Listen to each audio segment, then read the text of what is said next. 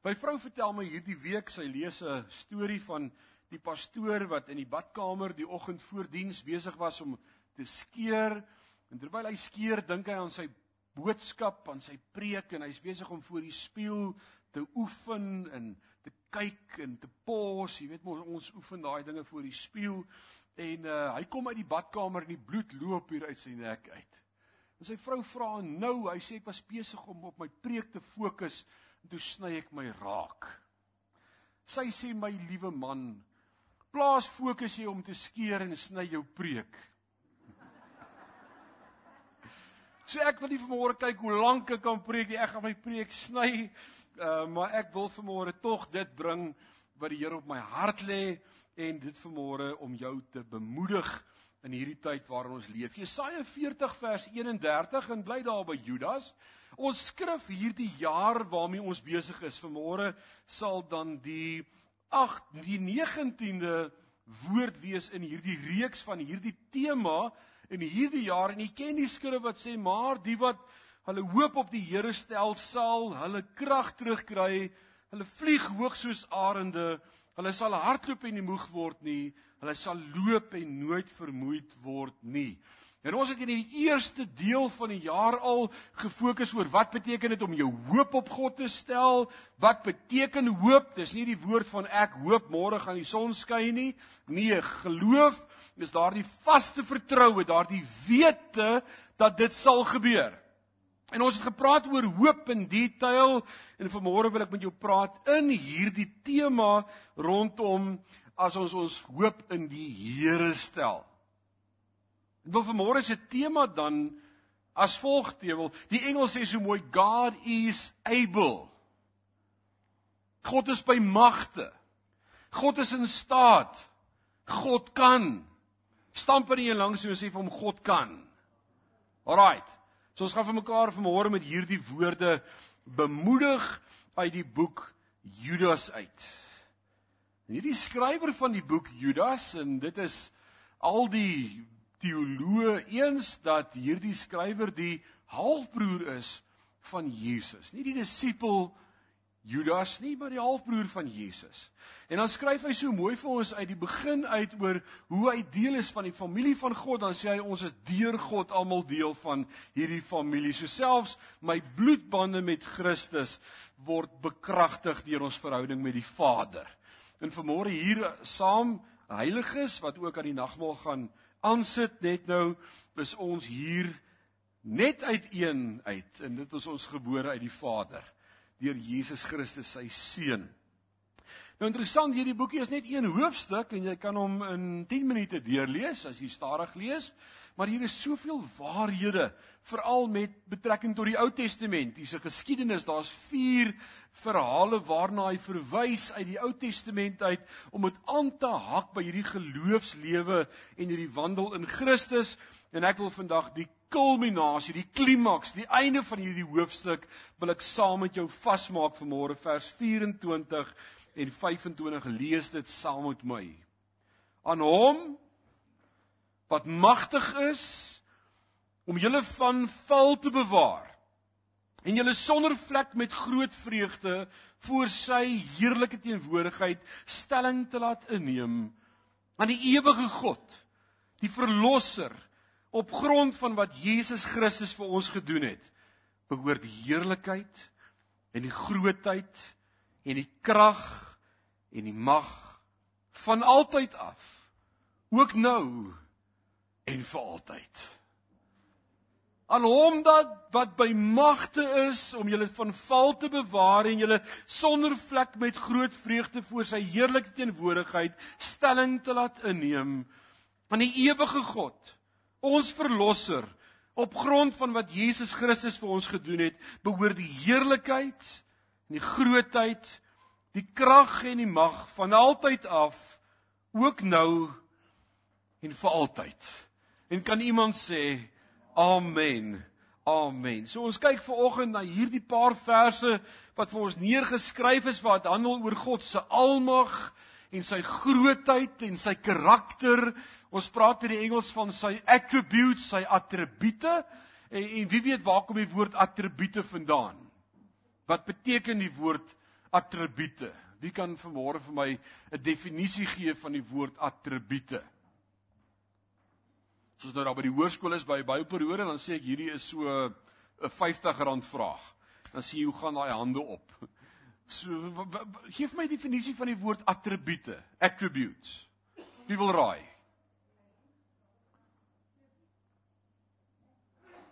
Attribute, so dit sê iets van sy karakter. Wie sê nog iets? Eienskappe, karaktertrekke, kenmerke, dis 'n mooi woord. So ons beskryf so 'n bietjie iets van God se godheid en dan is dit baie interessant as ons praat oor God se attribute is dat die teoloë eintlik vir ons sê ons kan nie attribute aan God toeskryf nie want dit is nie net alleen bepalend van wie hy is nie want God is onpylbaar. As dit 'n individu is, dan kan ons sê hierdie is sy attribute of as dit 'n iets is, dan kan ons sê hierdie is sy eienskappe. Hierdie mikrofoon het sekere attribute of of of attributes wat ons aan hom kan toeskryf tegnies en dit bepaal watse tipe mikrofoon hierdie is, maar God is onpylbaar. Hy's groter as wat ons ooit sal besef.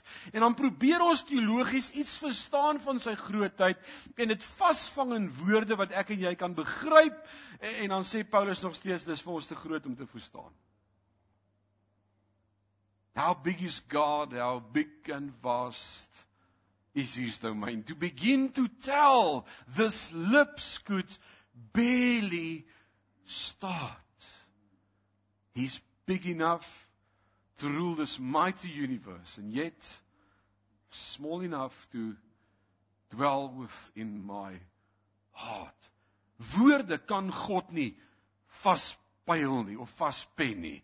So vanmôre kom Judas en hy dan hy gee vir ons so ietsie van die grootheid en van die almag van God sodat ek en jy in die tyd wat kom ons oë op hierdie groot God gefestig kan hou. Ek glo hier's 'n sleutel tot sukses in die tyd wat voorlê vir ons. In jou persoonlike verhouding met God, in jou wandel in die wêreld, in jou verhouding met mense, in die ekonomiese ekonomie in die tye wat voorlê, finansiëel, polities, alles wat voorlê, as jy wil staande bly, hou jou oë op God. Alraight. As jy oë gaan hou op omstandighede of jy wag vir die anti-kris om te verskyn of die ruiter op die valperd of jy gaan wag vir die of vir daai, gaan jy mislei word. Hou jou oë op God. Wat sê Jesus self vir ons as hy praat rondom die eindtyd en, en en wat beteken eindtyd? Ons glo dis die tyd voor die koms van die Here. En dit kan 'n week wees, dit kan 'n maand wees, dit kan 'n jaar wees, dit kan nog 'n 1000 jaar wees, maar een ding weet ek, God is op pad. Alraight. Maak nie saak wanneer nie, hy is op pad. En ek het sy koms lief en daar's 'n paar goed wat Jesus sê, hy sê hulle wat die koms van die van Jesus liefhet en verwag. Alraight. Hy hy hy, hy vertel vir ons die gelykenis van die weduwee en die onregverdige regter en dan sê hy die weduwee het aangehou om by die regter te kla en te sê doen reg aan my. Sy het aangehou en aangehou en aangehou. En dan eindig Jesus hierdie gedeelte en dan sê hy sal die seun van die mens met sy kom nog sulke geloof op die aarde vind. Geloof wat aanhou vra, wat aanhou soek wat aanhou klop, wat aanhou fokus op God, wat bly kyk vir hom met 'n verwagting in jou hart. Hy is God. Right. Ek wil vanmôre so 'n paar gedeeltes uit die woord van die Here uittrek om jou te bemoedig vanmôre om te sê wat het geloofshelde en gelowiges deur die woord, hulle vertroue ingestel en wat het hulle deurgedra deur moeilike omstandighede want dis vir my en vir jou so 'n indikasie van wat in my en jou lewe ons gaan help om deur moeilike tye te kom. En ek weet daar's in elkeen se lewe moeilike tye. Kan ek iemand se hand sien wat vanmôre sê ek gaan glad nie deur moeilikheid nie. Alraight, ons gaan almal deur challenges. Finansiëel, emosioneel, in jou gestel, fisies. Uh, ons beleef hierdie turmoil van ons tyd. Dis deel van die tekens van die tye. Daniel en sy drie vriende in Daniel 3 vers 17. Jy gaan vanmôre dalk 'n paar aantekeninge wil maak. Jy is welkom. In Daniel 3 vers 17 lees ek hierdie gedeelte van Daniel se drie vriende. Kan julle hulle name onthou? Sadrag, Mesach en Abednego. Sadrag, Mesach en Abednego en hierdie drie vriende van Daniël bevind hulle self voor Nebukadneser. Hy bou hierdie afgodstoring, hierdie installasie, hierdie instrumente speel en die musiek maak en dan moet die hele volk voor hierdie afgod buig. En dan sê hierdie drie manne ons het net ons oë op een en dis op God. Ons buig nie voor ander gode nie. Ons kyk nie rond nie. Ons ons gaan nie kyk na wat die res van die ouens om ons doen en hoe hulle buig nie. Ons staan vas in ons geloof in God. Daar's net een God. En dis die God van Abraham, Isak en Jakob, die lewende God. En dan word hierdie vuur oond 7 keer warmer gemaak. Soveel so dat die ouens wat die hout moes ingooi en ek dink dit was harde kool geweest. Daai ouens wat die hout moes ingooi het vanweë die temperatuur daar binne mors doodgeval voor die oond nog. En dan word vir hulle tweede keer 'n kans gegee om te sê: "Buig as die musiek speel voor hierdie toring" en dan buig hulle nie. En wat gebeur? Sadrag besig en Abednego word in die vuuroond ingegooi. Hulle beleef letterlik 'n warm plek. hulle beleef 'n warm plek. En weet jy wat so kosbaar is? Wat antwoord hulle vir Nebukadneser in Handelinge 3 vers 17? Hulle sê: "Die God wat ons aanbid, kan ons uit die vuur red. Hy sal ons uit u mag bevry, u majesteit." Hulle hou hulle respek vir die koning, maar God is op die troon van hulle harte. En ek wil vanmôre sê my God is by magte om ons uit die vuur te red. Ons God is by magte. Maar nou wil ek vir jou iets gee van dink ek van die suksesverhaal van hierdie drie jong manne se geloof in God wat onwrikbaar was. En baie keer wil ons juis God se attribute gebruik om hom so 'n bietjie te sterk arm, om hom so half te forceer om te doen wat ons wil hê hy moet doen. Eh, ons moenie so met God werk nie. Omdat U 'n geneesheer is, moet U my gesond maak. Hoor wat sê Sadrag besig en Abednego as hierdie volgende vers leer. Hulle sê ons God is by magte om ons uit die vuuroond te verlos. En dan sê die volgende vers al doen hy dit nie. Hy is God. En net hy is God. Daar's so iets van om, om ons hart te ondersoek en te toets om te sê ons vertrou is op God. Ons weet God kan ons red. Ons weet God kan ons deurdra. En weet jy wat? Ek is so onwrikbaar seker van God dat al doen hy dit nie, né, bly God. Dis geloof. Nie om te manipuleer nie, Nou Daniel het iets verstaan daarvan as hy die leeukuil opeindig. En sê my God is by magte om hierdie leeu se bekke te sluit. Hy het so iets beleef daarvan. In Matteus 3 kom Johannes die Doper. Johannes die Doper, die Jood wat Jesus voorgegaan het, die neefie van Jesus wat sy bediening aankondig. En dan sê hy in Johannes 3 vers 9 en Moet tog nie julleself mislei nie met die gedagte ons is veilig. Ons is mos die nageslag van Abraham nie. Weet verseker, God kan selfs die klippe wat hier rond lê in kinders van Abraham verander. Ons God is by magte om Jode uit klippe te maak. Is dit amazing? Wat sê dit vir môre vir my en vir jou? God bevry uit die vuuroond Maar God kan ook klippe verander in kinders van hom. Ons bid vir ons hoërskool. Deel van dit waarvoor ons spesifiek gaan bid in die tyd wat voor lê hier in Sion is vir ons kinders, vir ons jong mense, vir 'n volgende generasie om 'n honger en 'n dors na God te hê, dan sy teenwoordigheid gehê om regtig te connect met God.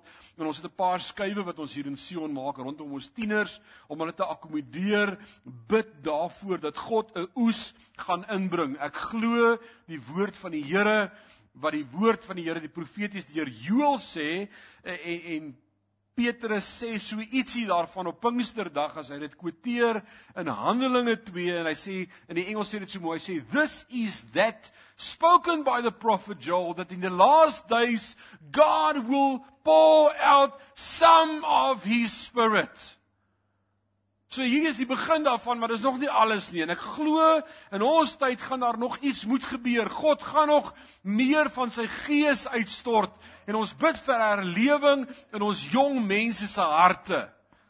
Dis waarvoor ons die Here vertrou, ons is op die regte spot, reg langs die skool. Dis 'n goeie plek om te wees. Ons bid vir ons kinders dat God hulle harte sal draai en God sal ontdek as die ware en lewende God. En ek wil sê dat God hulle klipharte in een oomblik sal verander en 'n hart van vlees gee. Jy sit met 'n tiener in jou huis en jy dink hierdie klipkop. Hierdie harde hart. Eh, eh, ek wil vir jou sê God is by magte om in een oomblik uit klippe uit kinders van hom te maak. Ons vertrou die Here daarvoor. God is by magte. Paulus praat met die gemeente in Rome in Romeine 4 vers 20 en dan sê hy uh, God beloof Abraham 'n seun. Hy hy praat bietjie oor die geloofshelde en hy haak aan by Abraham se storie en ons ken almal die storie van Abraham. God beloof hom 'n seun en Abraham is al baie 100 jaar oud en Sara 80 en is onmoontlik dat dat hierdie kan gebeur. Dis net onmoontlik. Maar God het gesê en God is by magte om te doen wat hy sê. Hy doen wat hy sê. God is nie 'n man dat hy sou lieg nie of 'n mensekind dat dit hom sou berou nie. Sal hy dit sê en dit nie doen nie? Sou hy dit spreek en dit nie waar maak nie? Nee, God sê dit. En dan kom vers 20 van Romeine 4 en dan sê hy Abraham het nie getwyfel aan God se belofte nie. Inteendeel, Sy geloof het sterker geword en so het hy die eer aan God gegee. Hy was absoluut daarvan oortuig dat God enigiets kon doen wat hy beloof het. Is jy van een ding verseker is dat God enigiets kan doen wat hy beloof het of sê jy vanmôre ek weet darm nie of dit letterlik geïnterpreteer moet word nie. Ek weet daarom nie van dit nie. Nee, ons God is by magte om enige iets te doen. Inteender, inderdaad God het Abraham regverdig verklaar omdat hy in hom geglo het. Hoe het hierdie insident van die geboorte van klein Isak Abraham se lewe geïmpakteer? Abraham sien voor sy oë hoe God se belofte waar word. Isak word gebore. God voorsien die grootste wonderwerk is dat Sara baar 'n seun. This amazing. God maak sy woord waar. En dan as hierdie seun 'n tiener is en God gee die opdrag om te sê, "Vat vir Isak en gaan offer hom." Dan twyfel Abraham nie vir een oomblik dat God sal doen wat hy gesê het nie. En so stap hulle dan saam met die diensknegte en die donkie naderhand los hulle die die diensknegte en die hulle los die donkies en dan sê hy vir Isak kom. En dan sê Isakie vir hom pa: Hier's die vuur en hier's die hout. Waar's die offer? Dan wat antwoord Abraham? God sal voorsien. Net wanneer jy al 'n pad gestap het in jou verhouding met Christus, wanneer jy al so 'n bietjie deur toetse gekom het en God beleef het hoe hy waar maak en hoe hy dinge sê en jou deurdra daardie stormtyd in jou lewe wat jy gedink het jy gaan dit nie maak nie, God het voorsien. Dit bring by jou daardie onwrikbare wete God sal voorsien. Maar hoe? Ek weet nie, maar een ding weet ek. God is by magte. God is able. Hy kan dit doen. Paulus kom in 2 Korintiërs 7 en dan spreek hy tot die gemeente in Korinte en hoor wat sê hy vir hulle in hoofstuk 7 vers 7 en 8 en jy dink hoe pas hierdie nou by hierdie teks in vanmôre? Wel hier kom hy. Elkeen moet gee soos hy in sy hart besluit het. Nie uit spyt of dwang nie, want God het die blymoedige gewer lief. Sê saam my blymoedige. Nou daai blymoedige gewer is die woordjie hilarious om my bindig bly te wees oor ek die geleentheid het om vir God te kan gee. Ons praat nou oor finansies broer, oor jou beursie. Ons sê God is by magte, maar dit impakteer my op alle dimensies, ook in die materiële. Oor wat sê vers 8 en God is in staat om aan julle elke gawe in oorvloed te gee sodat julle in elke opsig altyd van alles genoeg kan hê en ook nog oorvloedig kan wees in elke goeie werk. Kan iemand sê amen?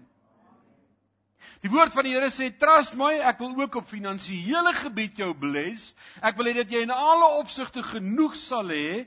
En nou wil ek jou vra, waarvoor wil God hê moet ek genoeg hê? Hoekom wil God jou vertrou met finansies? Hoekom wil God jou bless? Die einde van vers 8 sê en ook nog oorvloedig kan wees in elke goeie werk. God wil my bless sodat ek sy werk kan bless. God wil my vertrou sodat ek die koninkryk sal uitbou met wat aan hom behoort. En God sê as jy gee, is hy ook by magte om oorvloedig vir jou terug te gee. Efesiërs 3 vers 20, sekerlik een van my mees gunsteling beskrywings oor die grootheid van God. Hy moet geprys word. Dis like hier's iets wat hulle op my grafsteen kan sit, hoor. Efesiërs 3 vers 20, hy moet geprys word. Hy wat mag het om deur die krag wat in ons werk oneindig meer te doen as wat ons vra of dink om te vra. God is in staat om baie meer deur my en jou te doen as wat ons ooit sal kan vra, want hy is God. Ek en jy het nie die vermoë nie, maar hy stel ons in staat. Hy skryf aan Timoteus, Paulus skryf aan Timoteus in 2 Timoteus 1 vers 12 en hy sê om hierdie rede ly ek ook hierdie dinge. Maar ek skaam my nie. Want ek weet in wie ek geglo het. En ek is oortuig dat hy mag het om my pand te bewaar tot die dag toe. Wat beteken dit? God is by magte om my pand te bewaar. Wat beteken dit? Hoe verstaan ek en jy dit? Die Engels sê dit so mooi en ek lees vir ons uit die Amplified vanmôre wat dit so bietjie pragtiger sê. Hy sê this is why I suffer as I do. Still I'm not ashamed for I know him and I personally acquainted with him whom I have believed with absolute trust and confidence in Him and in the truth of His deity. And I am persuaded beyond any doubt that He is able to guard that which I have entrusted to Him until the day when I stand before Him. God is by magte om my en jou te bewaar Nou wat verstaan ek en jy van die pand? Die Afrikaanse vertaling sê om ons om om my pand te bewaar tot die dag toe.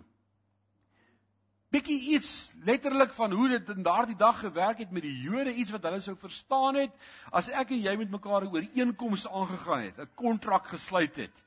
En ek het vir jou gesê ek wil hierdie stuk grond by jou koop en jy het gesê goed, 10 pond en ek het gesê goed, kom ons doen die deal, ek gaan jou afbetaal hier so lank 1 pond dan sê jy goed om hierdie kontrak vas te maak, gaan ek vir jou kwitansie gee dat ek my woord gestand gaan bring. En dan sou jy 'n stuk van jou kleed onderom afgeskeer het. en vir jou gegee het en gesê daar's die kwitansie dat ek my gebod gaan hou. Ek gaan hierdie kontrak met jou hou. Dis die kwitansie. Ek gaan hierdie grond aan jou verkoop en jy gaan my klaar betaal. Dis 'n kontrak. Hier word nou 'n stuk klere uitgeruil. Ek het die bewys. Daai grond is myne. Iemand anders kan dit nie nou koop nie. Hy het sy woord vir my gegee. Pragtige beeldspraak. Terwyl ek gou vir jou vra, as ek nou by die bank gaan geld leen om 'n kar te koop. En ek sê vir die bank, luister, ek wil hierdie kar koop en hulle sê, "Goed, dan moet jy X bedrag deposito betaal om hierdie kontrak te bekragtig dat ons hierdie deal gaan doen. Hoeveel deposito sit jy neer? Dan sê jy, "Goed, ek gaan R10000 deposito gee." Dan sê hulle, "Great, hier's die kontrak. Ons teken die kontrak. Jy gaan vir die volgende 50 jaar van jou lewe afbetaal aan hierdie kar." Dit voel net so, né? Nee, ons daarom nie so lank nie. Voel so. En dan betaal jy aan hierdie kontrak af en dan na so 'n jaar dan is daar nou kinders gebore en die eh, en die en die formulemelk word duurder en is doeke en is allerlei goed en jy kom jy uit met jou geld en dan besluit jy nee, ek kan nie meer hierdie kar betaal of bekostig nie. En wat doen die bank dan? Die harde werklikheid. Ah, repo. Hulle kom haal die kar. Hulle sê meneer, jy het nou vir 3 maande nie betaal nie, jy's agterstallig. Ons gaan hierdie kar nou terugvat dan bring hulle vir jou jou deposito en al jou paemente wat jy al betaal het saam in 'n tassie en hulle gee dit vir jou terug en hulle vat hulle kar. Dis mos so. Dis dan jou jou deposit. Hulle vat aan die kar en hulle vir jou teruggee. Maar nee, dit werk nie so nie. Jy verloor jou deposito. Jy het nie jou deel van die kontrak nagekom nie. Nou verstaan ons iets van wat Efesiërs vir ons sê en wat wat Paulus deel met die gemeente in Efese, wat hy sê julle as onderpand en dan sê hy dit ook hier in 2 Timoteus 1 vers 2 om die pand te bewaar. Hy sê Christus gee vir jou die kwitansie dat jy sy kind is, die Heilige Gees as bewys dat hy die werk wat hy in jou begin het, gaan klaarmaak. Nou met alle respek, kan God sy Heilige Gees verloor? Hy het aan my gegee en gesê die werk wat ek in jou begin het, gaan ek klaarmaak. Hou jy net vas en bly staande. Maar ek garandeer jou, jy gaan dit maak. Loof die Here. Daar's so iets van sy godheid en sy grootheid en sy kennis en voorkennis dat hy geweet het ek gaan tot die einde toe aan hom behoort. Dis awesome. In Hebreërs 2 vers 18 kom die Hebreërs skrywer en hy sê dit vir ons soos volg vanmôre. Hy sê juis omdat hy self ervaar het hoe dit voel om swaar te kry en nee te moet sê vir versoekings, kan hy mense wat ook in sulke situasies beland baie goed help. Wanneer jy in daai probleme kom en daai krisis kom en moet nee sê vir versoeking, selfs dan God is in staat. Hy verstaan, hy help. Hebreërs 7 vers 25. Gevolglik kan hy hulle wat deur hom na God toe gaan, eens en vir altyd verlos. Ja, hy leef vir altyd om hulle saak voor God te bepleit. Die vraag vanmôre is: gaan en kan God jou verlos? Ja. Is daar 'n sonde wat my te vas kan hou dat God my nie kan red nie? Nee. Is daar enigiets waarvan God my nie kan red nie? Is daar enigiets waarvan God my nie kan bevry nie? Is daar enigiets in my lewe wat ooit gebeur het wat God my nie kan vergewe nie? Ah, it's amazing. En as ons na hom gaan, dan wonder ons nie wie is hy nie. Ons wonder nie is hy in staat nie. Ons wonder nie kan hy nie. Ek wil vanmôre vir jou sê as jy hier uitstap vanmôre, moet jy weet my God is by magte. He's able. He's able. As ek uh geweet het het ek my ma en pa nou op die spot gesit en gesê kom sing vir ons He's able. Dit was 'n koortjie waarmee ek groot geword het van so groot af wat gesê het He's able. He's able. I know my Lord is able. He's able to carry me through. God is by magte om my en jou deur te dra. Ook vanmôre die simbool van die nagmaal die liggaam van Christus. Neem daai kelkie saam met my. Ek hoop jy het een gekry. As jy nie 'n kelkie gekry het toe jy inkom, jy steek gou jou hand op. Ons wil seker maak elkeen ontvang elemente op die galery. Kan iemand vir my gou-gou daar bo net wys? Iemand hier onder, hier voor Brenda. Dankie. Waar is ons manne? Hulle hardloop op en vorentoe en agtertoe. Steek jou hand so oomblik op. Ons gaan nou seker maak hier voor. Iemand nog onder? Steek op jou hand. Ons wil hê elkeen moet deel hy op die galery wie's op boontoe? Jacques, is jy op pad boontoe? Right, hang net vas. Hy kan nie op twee plekke gelyk wees nie. Hy gaan nou bo by julle wees. Maak so lank daai serofaan gedeeltetjie oop, net die plasties heel bo op. As jy nou die folie aftrek, is jy by die sap, dan is jy te vinnig. Net die plasties trek hom so bo af. En ons gaan vanmôre Dank steek jy jou hand op daar op die galery. Jacques is daar om vir julle ook te hou. Daar sê ek wil hê almal moet kry vir môre. Hierdie is nie die tafel van die AGS van Suid-Afrika nie. Hierdie is nie die tafel van Sion gemeente nie. Hierdie is die liggaam van Christus. En as jy vanmôre verklaar dat Jesus vir jou sonde gesterf het aan die kruis, dat jy Jesus aangeneem het as jou persoonlike verlosser en saligmaker, kan jy saam met ons aansit aan sy tafel wat spreek van sy liefde vir jou. Loof die Here. Ons is deel van een liggaam. En hierdie broodjie vanmôre sê vir my he's able. As hy deur homself aan die kruis te gee my kon red van die verderf. My sonde kon wit was, witter as die sneeu. Hoor wat sê 1 Johannes 1 Johannes 1. O oh, ek ek ek love 1 Johannes. Woensdaagoggende by Sela by die vroue woordskool hanteer ons 1 Johannes vers vir vers en ons kuier al vir weke oor uh, een vers. Dis dis amazing. Maar, maar hoor wat sê die woord van die Here in vers 7 tot 9 en ek lees dit vir jou as Johannes die geliefde disipel van Jesus ietsie skryf oor die werk aan die kruis en die bloed van Christus. Vers 7 sê: "Maar as ons in die lig wandel soos hy in die lig is, dan het ons gemeenskap aan mekaar. En die bloed van Jesus Christus, sy seun, reinig ons van alle sonde. As ons sê dat ons geen sonde het nie, mislei ons onsself en die waarheid is nie in ons nie. Maar as ons ons sondes bely, Hy is getrou en regverdig om ons van alle ongeregtigheid te reinig en daaraan nooit weer te dink nie. Daai woordjie is so mooi as ons lees in die in die in die oorspronklike teks in die Grieks dan dan dan beskryf hy daardie woordjie as hy sê reinig ons is dit die woordjie katar itsou wat beteken aanhoudend. Maar is iets wat die Afrikaanse Bybel vertaal is nie daar aangesit het nie. Hy hy sê die bloed van Christus reinig ons aanhoudend. Ander mooi woord sal sê voortdurend. Nie net 2000 jaar terug aan die kruis nie, nou, vandag hier, my gedagtes, my optrede, my verkeerde aksies, my my mishaps.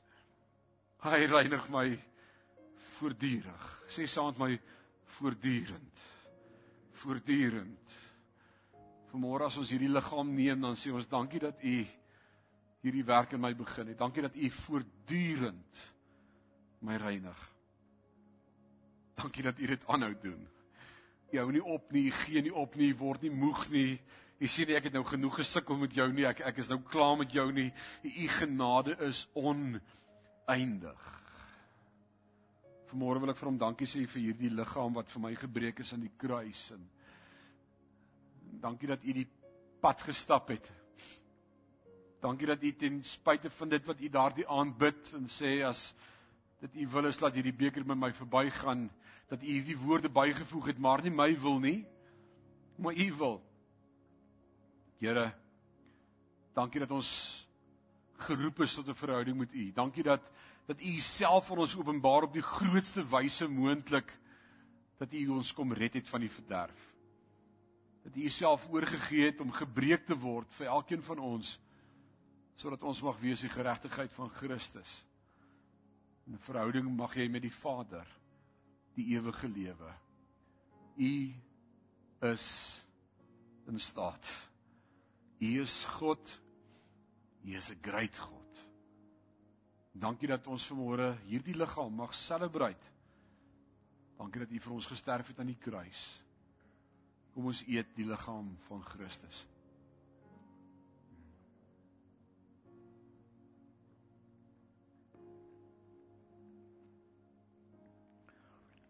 Klaar die broodjie geneem het, maak saam met die foelie oop, daardie tweede gedeeltjie en oppas dat jy nou nie van daai rooi sap op jou mors nie.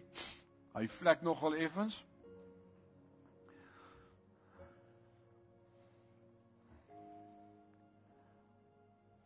As jy hom oop het dan sê ons ook vanmôre vir hom dankie vir die element, die bloed. Paulus sê dit so mooi vir ons as hy skryf aan die gemeente in Korinte in 1 Korintiërs 11, as hy lering gee oor die nagmaal. Dan sê hy dit wat ek van die Here Jesus Christus ontvang het, lewer ek aan julle oor dat in die nag waarin hy verraai is, hy ook die beker geneem het. Nadat hy gedank het, het hy dit gegee en gesê: "Drink daarvan. Drink daarvan." is die nuwe verbond. Beker wat spreek van lewe, die bloed van Christus, die beter verbond. Oh man, ons het vanmôre 'n beter verbond. Dankie vir die bloed. Dankie vir die bloed wat ons voortdurend reinig van al ons oortredinge en ons sondes. Dankie vir die bloed wat ook vanmôre genesing bring vir ons siek liggame. Dankie dat ons ook vanmôre kan bid saam met die wat krank is en siek is vanmôre u vertrou vir genesing in die naam van Jesus. En ons sê vir u dankie daarvoor. Amen. Kom ons drink ook die beker.